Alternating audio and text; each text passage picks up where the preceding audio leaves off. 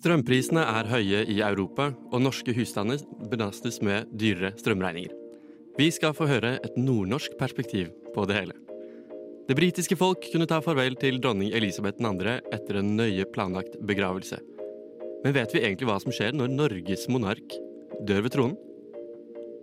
Republikk er den vanligste styreformen rundt omkring i verden. Vi har pratet med professor Øyvind Brattberg om bl.a. Canada, Australia og fremtiden til det britiske samveldet.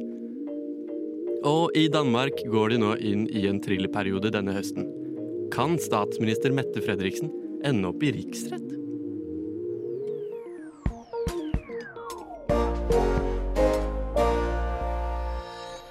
Hei, god morgen og velkommen til Opplysningen 99,3 her på Radio Nova. Jeg heter Benjamin Nortemø, og jeg skal følge deg gjennom denne timen med nyheter og samfunnsaktuelt fra vår stolte, stolte studentredaksjon. Og med meg her i studio har jeg fått besøk av mine gode venner Carl Biel. God morgen, Carl. God morgen. Og på min høyre flanke har jeg Emilia Haaland Johansen. God morgen. God morgen. Så godt at dere er her. Eh, dere, nå er høsten her i Oslo, sånn eh, skikkelig på ordentlig. Trærne skifter farge, det er litt grått der ute. Studier, de er, på virkelig, de er ordentlig i gang. Hvordan har man det da i morgengryet denne septemberfredagen, Karl? Jeg har det veldig bra. Jeg har brukt morgenen til å reflektere over hva jeg eh, mener om begrepet kvinnehelse. Det har jeg også brukt hele uka på. Jaha, ja. Eh, og hva mener du om kvinnehelse? Jeg mener ingenting. Jeg bare lurer på Jeg har bare reflektert over hva jeg legger i det ordet. Det hørtes, uh, hørtes klokt ut. Det er kanskje mange av oss uh, der ute i samfunnet som burde tenke litt mer, mer på slike problemstillinger. Ja. Uh, det har du tenkt på. Emilia, hva med deg? Hvordan det går det, liksom? Det går greit. Jeg har ikke reflektert så mye over kvinnehelse. Det er kanskje ikke så godt å si som den eneste kvinnen i studio, men eh, fokusert mer på å komme meg hit. Eh, klokka, ja, klokka tidlig for meg. Klokka tidlig. Klokka og du var jo her uh, før, uh, før, oss, uh, så det var veldig altså, Det er kanskje ikke så interessant å høre på lytterne, men jeg vil gi deg berømmelse for det. Punktlighet og på tida. Det er kjempe, kjempebra. Den tar jeg. Det er altså ingen høstmelankoli å spore her i studio, i hvert fall. Men om du skulle kjenne på en slags sånn en liten vemodighet over at sommeren kanskje er slutt, og at det er litt grått osv. Kanskje vi kan løfte ditt humør, rett og slett. Hvis du liker å holde deg oppdatert på de aktuelle saker og debatter der ute i samfunnet, innenriks og utenriks, da har du stilt radioen inn på rett kanal. Vi har en fullpakket sending i dag med alt hva din smarte hjerne, og ikke minst dine smarte ører, kan begjære.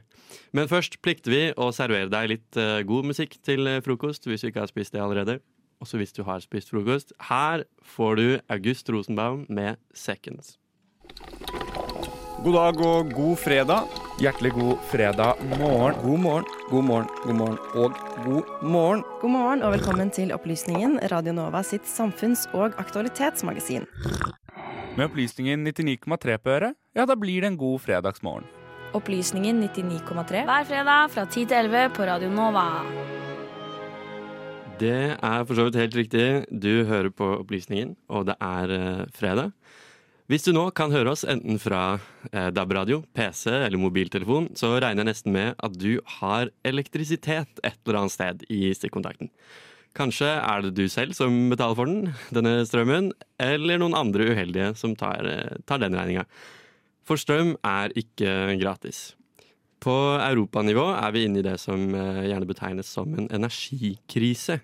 Det er et litt stort ord. Energikrise. Ulike regjeringer i ulike land har foreslått en rekke tiltak for å senke presset på borgernes lommebøker nå frem mot denne høsten og denne vinteren. Det er i Norge likevel da en debatt som er litt unik midt oppi alt det her. Forskjellene med strømprisene innad i landet, de er kjempestore. Tidvis i hvert fall store. Emilia, hva har du fått med deg om, om dette? Nei, altså Jeg er en av de heldige som ikke betaler min egen strøm. Jeg har en av de få leiekontraktene med strøm inkludert igjen i Oslo, tror jeg. Eh, og er også veldig fælt å være kanskje litt sånn Øst-Norge-sentrert, da. Det blir jo fort sånn. Det er jo nesten som å ha vunnet i Lotto, det. da Å ha en uh, leiekontrakt uh, med inkludert uh, strøm. Ikke sant? Jeg holder tviholder ved den, altså. Her skal jeg bli. jeg syns nesten ikke det er rettferdig. Det kan kjennes litt urettferdig. Eller jeg sitter her og er, er mer kanskje sjalu, da, personlig. Åh, Det hadde vært deilig å få noen andre til å betale den strømregninga. Jeg er mest sint. Du blir sint? det det. Nei, jeg heller... er heller sjalu. ja, ja, eller, sjalu, eller sånn ja, i beundring. Åh, jeg lurer på hvordan altså, gresset er grønnere osv. Jeg ja, ja. tenker, tenker, på det. Men du prøver ikke å spare du, Altså, du har lysene på hele natta, dusjet kjempelenge. Ja, altså Hvis det er noe sånn eh, at man tjener penger på strømmen, da, så er det ikke jeg som tjener på det heller. Men det er liksom sånn, det er godt og varmt på badet, nice. eh, og det er ikke noe å tenke på, altså. Litt sånn, ja. Lyst og fint. Det er jo fint. Men det mange har eh, merket seg, en debatt vi har i Norge, er nemlig denne regionale eh, forskjellen. At det er relativt mye, i hvert fall eh, relativt billigere med strøm i nord, og så er det litt høyere strømpriser her i sør. Vi hører kanskje dette oftest gjennom en eh, linse, en, en sørlig linse. Men hva eh, kan vi forvente oss av et nordnorsk perspektiv? Det skal du få høre vår reporter Frida Mogård eh, har undersøkt. Strømkrisa lever i beste velgående i Norge. Eller ikke i hele Norge. Den nordlige delen av landet har nytt godene av lavere strømpriser, og mange i sør tenker kanskje at man sparer penger på å flytte nordafor, med tanke på reduksjon av studiegjeld og billigere bolig. Men i realiteten så hoper kostnadene seg opp på andre steder blånekt for utbygging av jernbane nord for Fauske, som har ført til avhengighet for flytransport, høyere drivstoffpriser og flere såkalte nedprioriteringer av økonomiske midler til tiltak som vei og ferge, er noen av de uheldige forskjellene man møter. Og sant skal sies, Norge er et langt land, og avstand den kommer med en pris. Men denne prisen har som nevnt ikke rukket å påvirke Nord-Norges strømforsyning enda. I et intervju med Aftenposten i august tok Høyre-leder og tidligere statsminister Erna Solberg opp sitt ønske om å bygge ut strømkabler mellom nord og sør, og med det sende strøm sørover så raskt som mulig. Hun beskriver her situasjonen som hastende, og mente denne utbygginga skulle settes i full fart, da det, i hennes ord, ikke er sunt for næringslivet at det er store, ubrukte kraftressurser som kunne vært tatt i nytte i sør. Nord-Norge får sin strømforsyning fra Nord-Sverige, og derfor så vil denne potensielle utbygginga ha involvert store midler for nye, forbedra strømkabler mellom nord og sør. Utsagnet førte til reaksjoner fra stortingspolitiker Erlend Svardal Bø i Tromsø Høyre, som for øvrig, til tross for samme partitilhørighet som Solberg, sa seg svært uenig i den tidligere statsministerens ønske. I et intervju med lokalavisa i august fortalte Bø at han har forståelse for Solbergs oppfatning av de store prisforskjellene i landet, men at han som nordnorsk representant er opptatt av å beholde konkurransefortrinnet med lave priser i Nord-Norge, for både folk og næringsliv. Forrige helg var derimot Erna på besøk i Tromsø, og det ble rapportert at tonen mellom hun og Erlend var langt mer diplomatisk, da de har nådd en enighet siden begynnelsen av høsten. Til lokalavisa uttalte Solberg at det vil ta nesten ti år å få de nye strømkablene på plass, og med tanke på at det er mange nye industriprosjekter i nord, så kan det være at kablene kommer til å gi mer strøm nordover enn sørover. Dette gir jo da inntrykket om at den tidligere statsministeren kanskje har endra tankegangen sin, og stortingspolitiker Bø har uttrykt stor takknemlighet for at de nå kan anse seg som i hvert fall relativt enig. Vi snakker mye om den ekstremt store forskjellen i prisen på strøm her, men hva vil det egentlig si? Onsdag 21.9 ble gjennomsnittsprisen på strøm i Oslo målt til 524,59 øre per kilowattime, og dette er da prisen dersom man ikke har den såkalte strømstøtta. I Tromsø er det derimot en litt annen historie. Gjennomsnittsprisen for onsdag ble der målt til 63,11 øre per kilowattime. Og her har de naturligvis ikke strømstøtte. Og disse tallene er henta fra VG sin strømprismåler, og vi ser at Tromsø, altså Nord-Norge sin største by, sin strømpris utgjør kun en tiendedel av prisen i hovedstaden. Denne forskjellen, og til en viss grad uenigheter mellom nord og sør, har skapt reaksjoner. Ikke bare hos Norges politiske topper, Men skribent og gullpennvinner Egon Holstad i avisa i Tromsø har skrevet om denne problematikken i en kommentar med tittelen Ja, men kjære søringer, dere har jo valgt å bo der. Han skriver Vi vet hvor vi bor, her oppe i toppen av Europa, i det høye nord.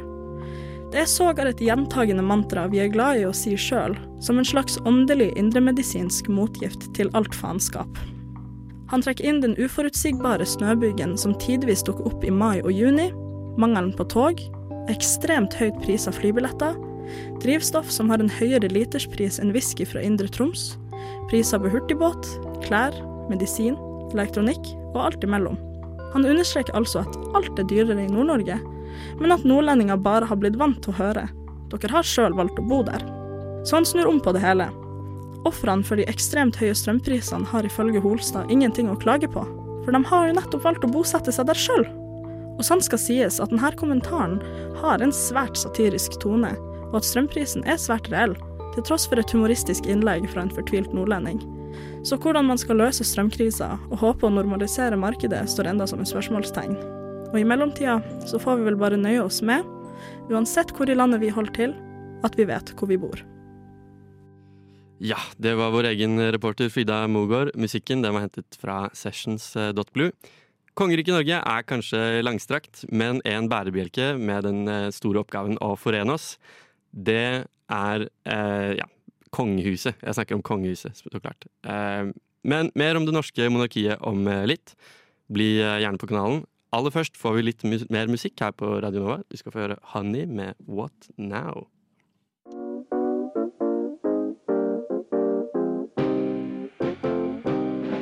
Du hører på Radio Novas samfunns- og aktualitetsmagasin Opplysningen. Hver fredag fra klokken 10 til 11 på Radio Nova. Opplysningen på Radio Nova. Det er helt riktig. Du hører på Opplysningen 99,3 her på Radio Nova. Ja, vi skal over i neste materie. For eh, nå i det siste så har det vært veldig mye fokus på den eh, avdøde dronning Elisabeth. Mye fokus, tror jeg vi kan si. Jeg tror nesten ikke det finnes et eh, menneske på hele denne kloden som ikke er informert om eh, Hennes Majestets eh, bortgang. Det er kanskje lov å overdrive litt eh, på radio. Eh, en parallell, da, i hvert fall. En, et lite tankesprang som mange nordmenn kanskje har eh, gjort seg, er nemlig bort til vårt eget eh, kongehus. For Norge er som nevnt tidligere, vi er også et monarki. Formelle, fulle navnet Norge har i FN osv. er jo kongeriket Norge, eller The Kingdom of Norway. Så eh, tenkte jeg skulle spørre deg, Emilia. Har du Har du eh, har du tenkt på noe, hva, altså, hva si, uh, Gud forbi, den dagen noe skulle potensielt skje, da. Har du noen idé om hva, hva som vil, vil skje uh, hvis uh, den monarken går bort? Altså, jeg liker jo å tro at vi må ha en ganske god plan, men alt dette vi har sett etter dronning Elisabeth altså, Vi i Norge er jo så koselige. Det er jo kongen på trikken og tjo og hei, så skal man jo liksom tenke at uh, hvor storslått blir det? Det blir jo storslått. Det er kongen, men det er også Norge. Så jeg vet egentlig ikke. Ja, for det var jo i hvert fall i uh, Vi som har fulgt med i, eh, i Storbritannia, har jo kanskje sett denne sørgeprosessen, dette folkets avskjed og sånn. Det var jo meldt store køer rundt omkring i Londons gater for å liksom ta farvel da, med sin, med sin monark. Eh, så har vi da hatt en eh, Vi har sendt eh, Carl ut på gata. Eh, Carl sitter altså her, han ser på meg litt lurt. Eh, du har prøvd å undersøke. Hva var det som fikk deg til å ville se på det her? Hva, Grunnen til det er at det har jo på internett så har det jo vært så mye YouTube-videoer og alt mulig sånt om hva som skjer når dronning Elisabeth skulle gå bort. Så jeg antok at det var noe lignende med, med kong Harald. Eh, Fordi eh, man vil jo anta at det fins en eller annen plan. Også fordi at han eh, Det kan hende at han dør. Om ikke så altfor lenge, fordi han er gammel. Og når man er gammel, så er det veldig vanlig at man omsider dør. det er litt livets naturlige gang. Som det pleier å gå. Rett og slett. Vi skal høre hva du fant ut på din, på din reise opp til Slottsplassen. Utenfor Slottet i Oslo tar en gardist som antakeligvis er i slutten av tenårene, elleve skritt til høyre, før han snur og tar elleve tilbake. Ifølge Wikipedia-siden til Garden er de kongens egen livgarde. Men uansett hvilken farge kongen har på sitt blå blod, så vil det på et eller annet tidspunkt slutte å pumpe gjennom hans kongelige årer. Slik som skjedde med hans tremenning dronning Elisabeth for et par uker siden. This is BBC News from London. Buckingham Palace has announced the death of Her Majesty Queen Elizabeth II. Siden hennes bortgang har jo millioner av TV-seere fulgt med på alle tradisjoner og skikker i forbindelse med at hun ikke lenger har sine rojale ben planta på jorda.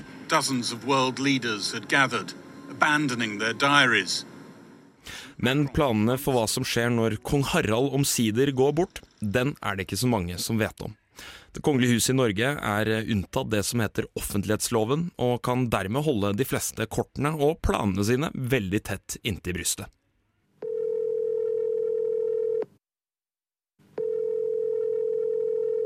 Opplysningen har også vært i kontakt med mye av det som kan krype og gå av det som kalles kongehuseksperter i Norge. Og ingen av dem har spesielt lyst til å si hva de vet om hva som kommer til å skje, hvem som får vite det først, og kanskje hvorfor planene er så hemmelige. Men frykt ikke, for vi har ikke gitt oss så lett. For til forskjell for i England er det kun 30 år siden kongen døde i Norge. Vel, det er rundt 30 år siden den forrige kongen døde. Vi har uh, fått en uh, viktig melding som uh... Velkommen til 1991. Vi er midt i januar. Klokka ti på kvelden sender professor doktor Med Erling Brodvald og overlege doktor Med Halvdan Ilen ut en melding. Kongen har fått et hjerteinfarkt. Vi skal komme tilbake til i løpet av et knapt minutts tid, så vi venter, vi venter inntil videre. 20 minutter senere skriver NTB ut et telegram med de to ovennevnte legene som kilder. Overskriften består av to ord i versaler kongen død. Den er umulig å misforstå. Den offisielle kunngjøringen av kong Olavs død ble gitt av kong Harald i et ekstraordinært statsråd på Slottet to timer senere, altså ved midnatt. Deres Majesteter. Kong Olav den femte, hele folkets konge, er gått bort. To uker senere ble han begrava av biskopen i Oslo domkirke. I Norge er det også sånn at den nye monarken overtar i det øyeblikket en monark dør, så kong Harald venta i tre dager med å bli tatt i ed i Stortinget. Kong Harald og dronning Sonja dro deretter et par dager videre til Trondheim, der de ble signa i Nidarosdomen. Og da sommeren kom, dro de på en turné i Nord-Norge og Sør-Norge. Skikken med å reise i forbindelse med at de ble nye monarker, den går tilbake til middelalderen. Så det var det som skjedde sist, men hva som vil skje når kong Harald dør, det er det kanskje kun hoffet, Stortingets presidentskap, NRK og kronprinsfamilien som veit om. Tilbake på Slottsplassen er det noen som står og ser på Slottet. Når kongen dør, og dette huset her da på en måte blir tomt, tror du at du kommer til å bry deg om det? Det er et vanskelig spørsmål. Jeg tror det kommer ikke til å påvirke meg så veldig mye, men jeg har jo vokst opp med, med at jeg har vært kong Harald. Og han har jo vært en skikkelse som alltid har vært der. Så det kommer til å være litt trist. Har du store forhåpninger for tronskiftet? Altså når vi får ny konge, hva som skjer når hun begraves og sånt? Jeg tror ikke det kommer til å være like storstilt som det vi har sett i Storbritannia og sånn. Så jeg har Jeg syns ikke det kommer til å være så veldig viktig. Det kommer til å ha noen innflytelse på mitt liv. Ja, det var utgående reporter Carl Biel fra den lysebeige residensen med adresse Slottsplassen 1. Vi skal straks på en liten reise igjen fra våre kontorer på Chateau Neuf opp til Blindern og det britiske samveldet. Du kjenner det kanskje enda bedre som The Commonwealth, en stor samling av land formelt underlagt det britiske monarkiet. Før det, mine kjære, kjære lyttere, Kloss Major med Venn med meg selv i kveld. As much as it's been 20 years since apartheid, like blacks have been freed, not much is, like, has changed. Så her er det jo helt klart at regjeringen ikke leverer faktisk på at Norge skal bli det beste landet i verden for skeive. Chavez is the guy who finally could destroy Venezuela. Opplysningen hver fredag mellom klokken 10 og 11 på Radio Nova. Det stemmer nok en gang. Du hører på Opplysningen 99,3 her på eh, Radio Nova denne fredagsmorgen. Vi er, eh, vi er eh, nå i det britiske samveldet. Vi er ikke faktisk det, men rent sånn saklig så er det her vi oppholder oss. Carl, hva vet du om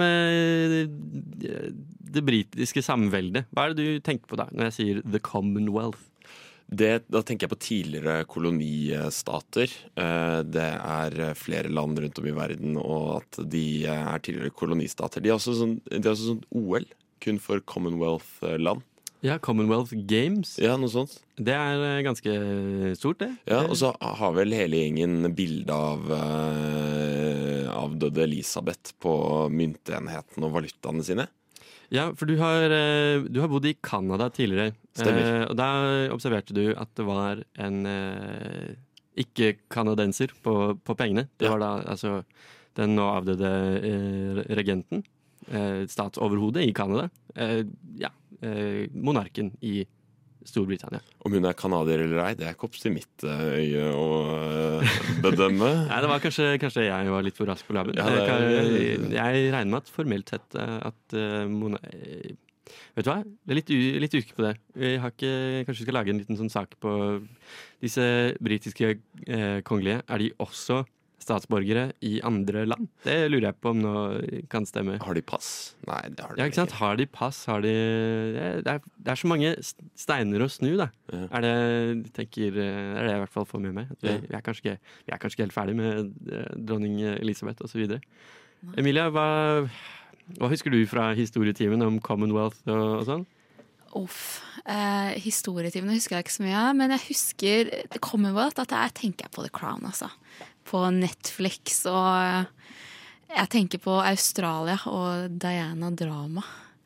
Eh, og ja, Hva hadde Diana med Australia å gjøre? hun var jo på tour. I, det var vel en slik en Commonwealth tour.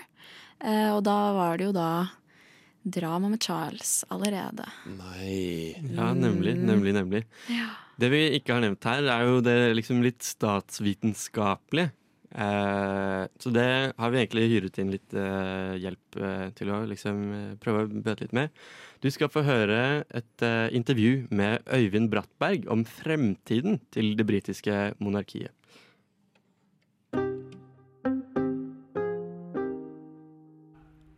September 2022 gikk dronning Elisabeth 2. bort. Med sine 75 år på tronen ble hun den lengstsittende monarken i verden. Men knappe to uker etter dronningens død begynte debatten om monarki eller republikk i flere av de 15 landene hun var statsoverhode for. I tiden etter hennes død har flere briter tatt til gatene for å demonstrere mot monarkiet. På plakatene står det skrevet 'Not my king'. Og selv om diskusjonen om republikk har pågått lenge, har diskusjonen fått en ny opptur etter dronningens død. Professor Katie Pickles fra universitetet i Canterbury, New Zealand, mener at det var dronningen selv folket likte, og at hennes død har startet en debatt. The Australian Republic Movement har foreløpig holdt en lav profil, men har likevel hintet om at dronningens død byr på politiske muligheter. I flere karibiske land har diskusjonen om et britisk statsoverhode pågått over en lengre periode, og i 2021 blir Barbados en republikk. Så hva vil trolig skje nå? Er dette muligheten mange republikanere endelig har ventet på? Vil New Zealand, Canada og Australia bli republikker? Og hva med Storbritannia? Vi tok med oss opptakeren opp til Blindern for å snakke med Øyvind Brattberg, som er spesialist innen britisk politikk. God morgen, Brattberg. God morgen. Dag så skal vi snakke litt om dronning Elisabeth 2.s død, eh, med tanke på det britiske styresettet videre. Og da er egentlig første spørsmål til deg, ser du for deg at hennes død har påvirket, eller kommer til å påvirke Storbritannias styresett på noe vis? Ha. Det er et uh, svært spørsmål, og jeg tror man ser det i når man følger begravelsen og de ritualene som eh, Storbritannia har gått gjennom de siste snaue to ukene. Så er det jo kjempemye som er eh, tungt institusjonelt, historisk og tilsynelatende ubrytelig. For sånn, sånn ser det ut der. Og Da tenker man at dette må da bare vare og vare. Selv, selv nå, liksom i de 21. århundre, så virker det helt naturlig å ha et monarki, et tungt monarki. Og også et politisk system som trekker på århundrelange tradisjoner, sitter i et eldgammelt eh, palass og, og, driver sine politiske aktiviteter derfra. Men det er jo ikke, ting er jo ikke nødvendigvis evigvarende. Ting er sjelden det.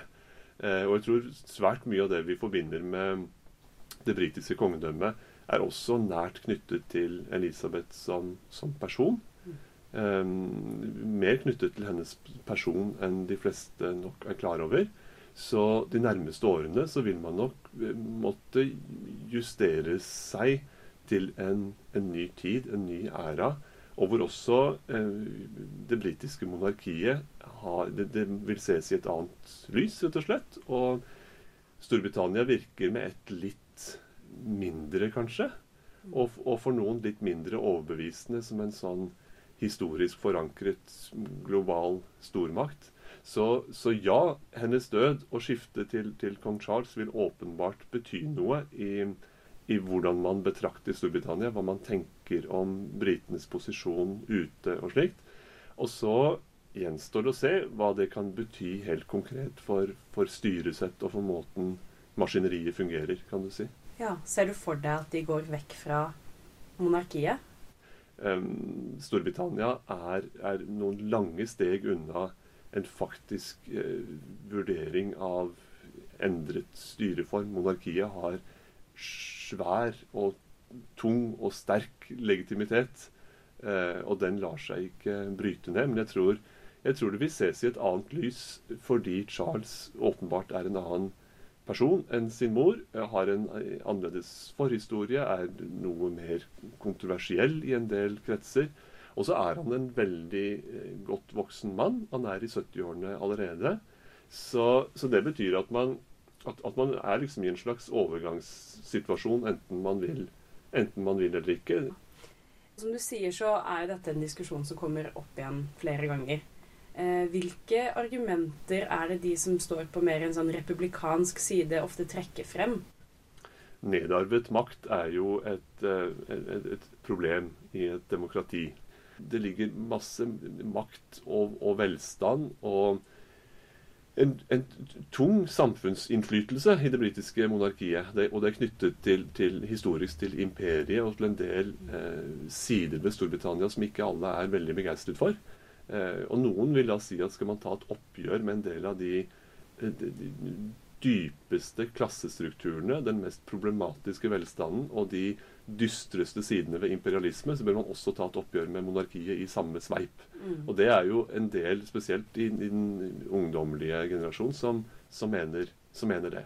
At uansett hvordan man snur og vender på det, så er monarkiet Det står til knes i alle disse trøblete sidene. Og skal man ta et oppgjør med det, så må man også si at monarkiet er faktisk ikke liv laga for, for, vår tid. Eh, du var så vidt inne på det tidligere med kong Charles og hans eh, utfordringer videre.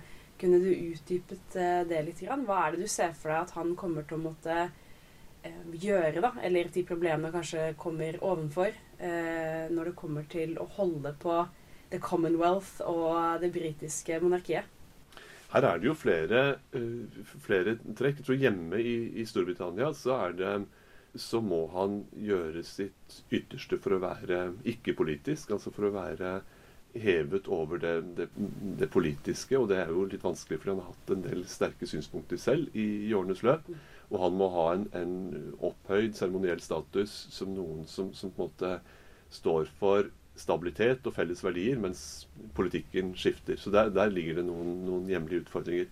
Men ute i Commonwealth, i, i samveldet, så er det noen store, store, og uløste utfordringer. For der er det jo um, det, er, det, er, fortsatt 14 andre land enn Storbritannia som har den britiske monarken som sitt statsoverhode, inkludert eh, Australia, New Zealand og, og Canada.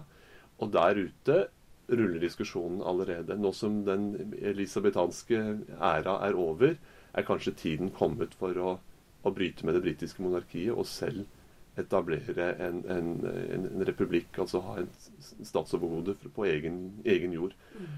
Og sett fra sidelinjen så er jo det en helt naturlig utvikling, egentlig. Man kan ha et slektskap og et fellesskap med, med sin gamle koloniherre, uten at man lenger skal ha samme eh, statsoverhode. Jeg tror det er en litt vondere debatt de har i en del eh, afrikanske og karibiske land, hvor av de, noen av de historiske båndene til Storbritannia er tuftet på langt mindre hyggelige Mm. sider. Så den frigjøring de ser for seg, kan, kan være en, en vondere prosess. Hvor det å, å enten eh, tre ut av den rollen hvor eh, britisk monarken er statsoverhode, eller rett og slett bryte ut av samveldet fordi man ønsker å være helt på egne bein. Man vil ikke lenger hedre den felles arven man har fra, fra imperiet. De, de diskusjonene vil nok også komme med større styrke nå. Fordi dronning Elisabeth har vært en så høyt respektert skikkelse, en slags lim i hele dette systemet, som ikke lenger er der. Så du vil egentlig si at uh, dronning Elisabeth i seg selv har hatt en utrolig stor betydning for uh, The Commonwealth og for det britiske monarkiet? Så, så absolutt.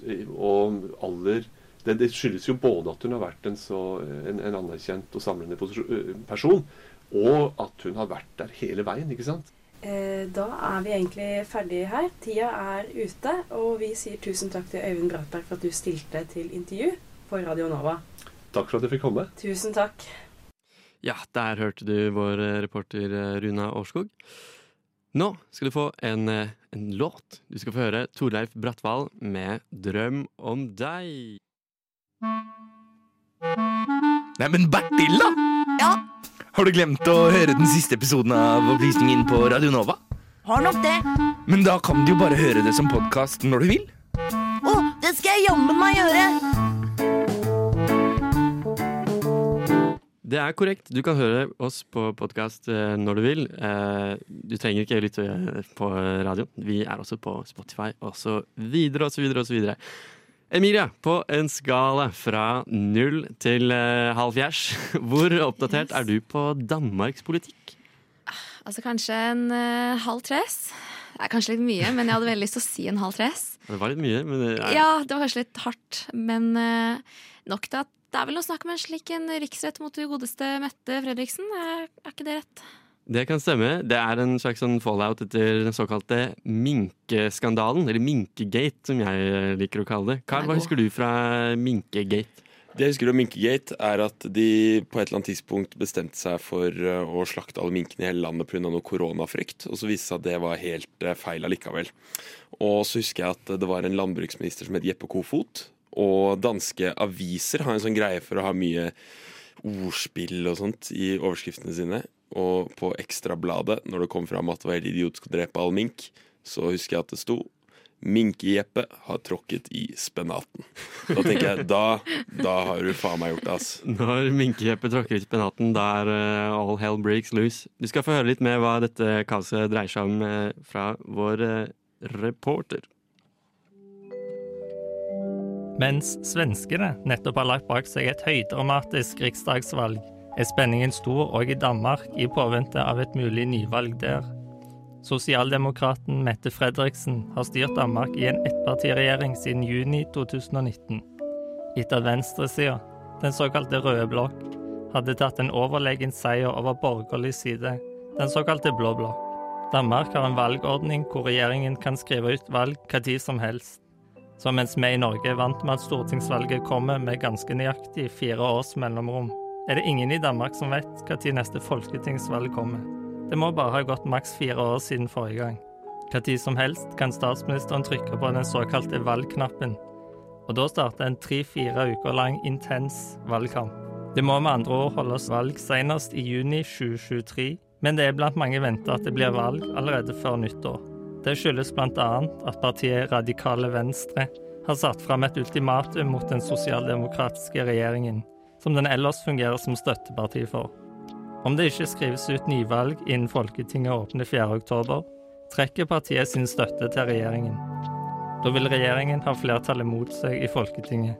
Radikale Venstre skal være sterkt misfornøyd med samarbeidet med regjeringspartiet Sosialdemokratiet, som ikke ville hatt de med i regjering. Sosialdemokratiet på sin side sies å være svært frustrerte over de radikales valgultimatum. Tidligere i høst krevde òg samtlige borgerlige partier nyvalg. Etter valget i 2019 beholdt Rød Blokk lenge forspranget på meningsmålingene. Rød Blokks valgseier dette året var så stor at det i Blå Blokk skal ha blitt mumla om at òg neste folketingsvalg sannsynligvis var tapt, og at man måtte se fram mot valget etter det igjen. Men siden har mye skjedd. Blir det nyvalg i høst, er det helt åpent om det blir en regjering fra venstre- eller høyresida. Det er òg knytta stor usikkerhet til hvilke partier som vil inngå i Danmarks neste regjering. Etter at sosialdemokratiets oppslutning steg kraftig i den første fasen av koronapandemien, har det siden gått nedover. Den såkalte Mink-saken er et eksempel på noe som kan ha skada partiets oppslutning. Regjeringen avliver alle landets mink for å stoppe en mutert koronavariant, men mangler lovhjemmel til det. Av den såkalte Mink-kommisjonen fikk regjeringen krass kritikk. Det er jevnt på målingene, men den siste tida har borgerlig side hatt et visst forsprang. Målingene tyder på svært store velgervandringer i forhold til forrige valg. Forrige statsminister, Lars Løkke Rasmussen, har brutt ut fra sitt gamle parti, Venstre, og grunnlagt et nytt parti, Moderaterne. De gjør det allerede godt på målingene, og kan, hvis man skal tro målingene, ende opp i en vippeposisjon etter valget. De siste årtiene har det vært Venstre som har vært det førende partiet på borgerlig side. Stikker Blå blokk av med valgseieren, er det imidlertid langt fra sikkert Danmark får en statsminister fra Venstre. Partiet har slitt svært tungt med oppslutningen i mange måneder. Og partiet Konservative Folkeparti, som ligger noe lenger til høyre, gjør det bedre på målingene. Men òg de konservative har hatt en nedadgående trend i det siste. Så det er helt åpent hvilket parti som blir det største på borgerlig side. Lenge var det Dansk Folkeparti som var Danmarks store innvandringskritiske parti, ytterst på høyrefløyen. Siden har de fått hard konkurranse om den tittelen, og fått oppslutningen sin kraftig redusert på målingene. I siste måling fra Danmarks Radio ligger ikke Dansk Folkeparti an til å komme inn i Folketinget i det hele tatt. Det starta ved forrige valg, da det nystifta partiet Nye Borgerlige, som profilerer seg på å være enda mer innvandringskritiske enn Dansk Folkeparti, kom inn i Folketinget. En annen som òg nok gir Dansk Folkeparti hodebry, er den tidligere justis- og innvandringsministeren Inger Støyberg. Tidligere i år ble Støyberg dømt til ubetinget fengsel i en riksrettssak for å ha gitt en ulovlig ordre i sin tid som minister. Siden har hun stifta sitt eget parti, Danmarksdemokraterne, og feide nylig inn på en meningsmåling med en oppslutning rundt 10% Hvorvidt det blir nyvalg eller ikke, er det ingen som egentlig vet. Og om det blir nyvalg, så er det ingen som vet resultatet på forhånd. Likevel har vi denne deadlinen, 4. oktober. Og fram mot denne datoen kan vi trygt spå at det blir mer drama. Det er i hvert fall ingen kjedelig høst i dansk politikk.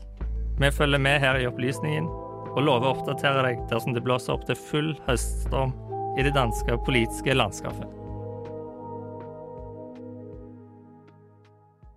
Ja, der hørte du vår reporter Alexander Klyve Gudbrandsen med denne oppdateringen fra Danmark.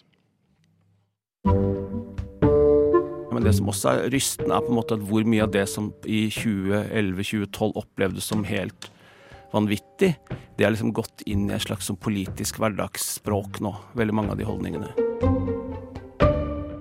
Radio Novas samfunns- og aktualitetsmagasin gir deg historiene, sakene og debattene andre overser. Aldri redd, alltid balansert. Da, da, da, dere, har vi kommet til eh, sendingens eh, slutt.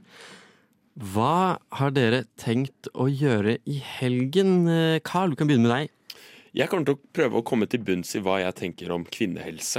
Eh, nå som det, lufta har gått ut av ballongen med skjønnhetsklinikken til eh, de tre kjendiskvinnene, så ser jeg det på som min plikt å komme til bunns i å gjøre opp min egen mening om hva jeg tenker god kvinnehelse er.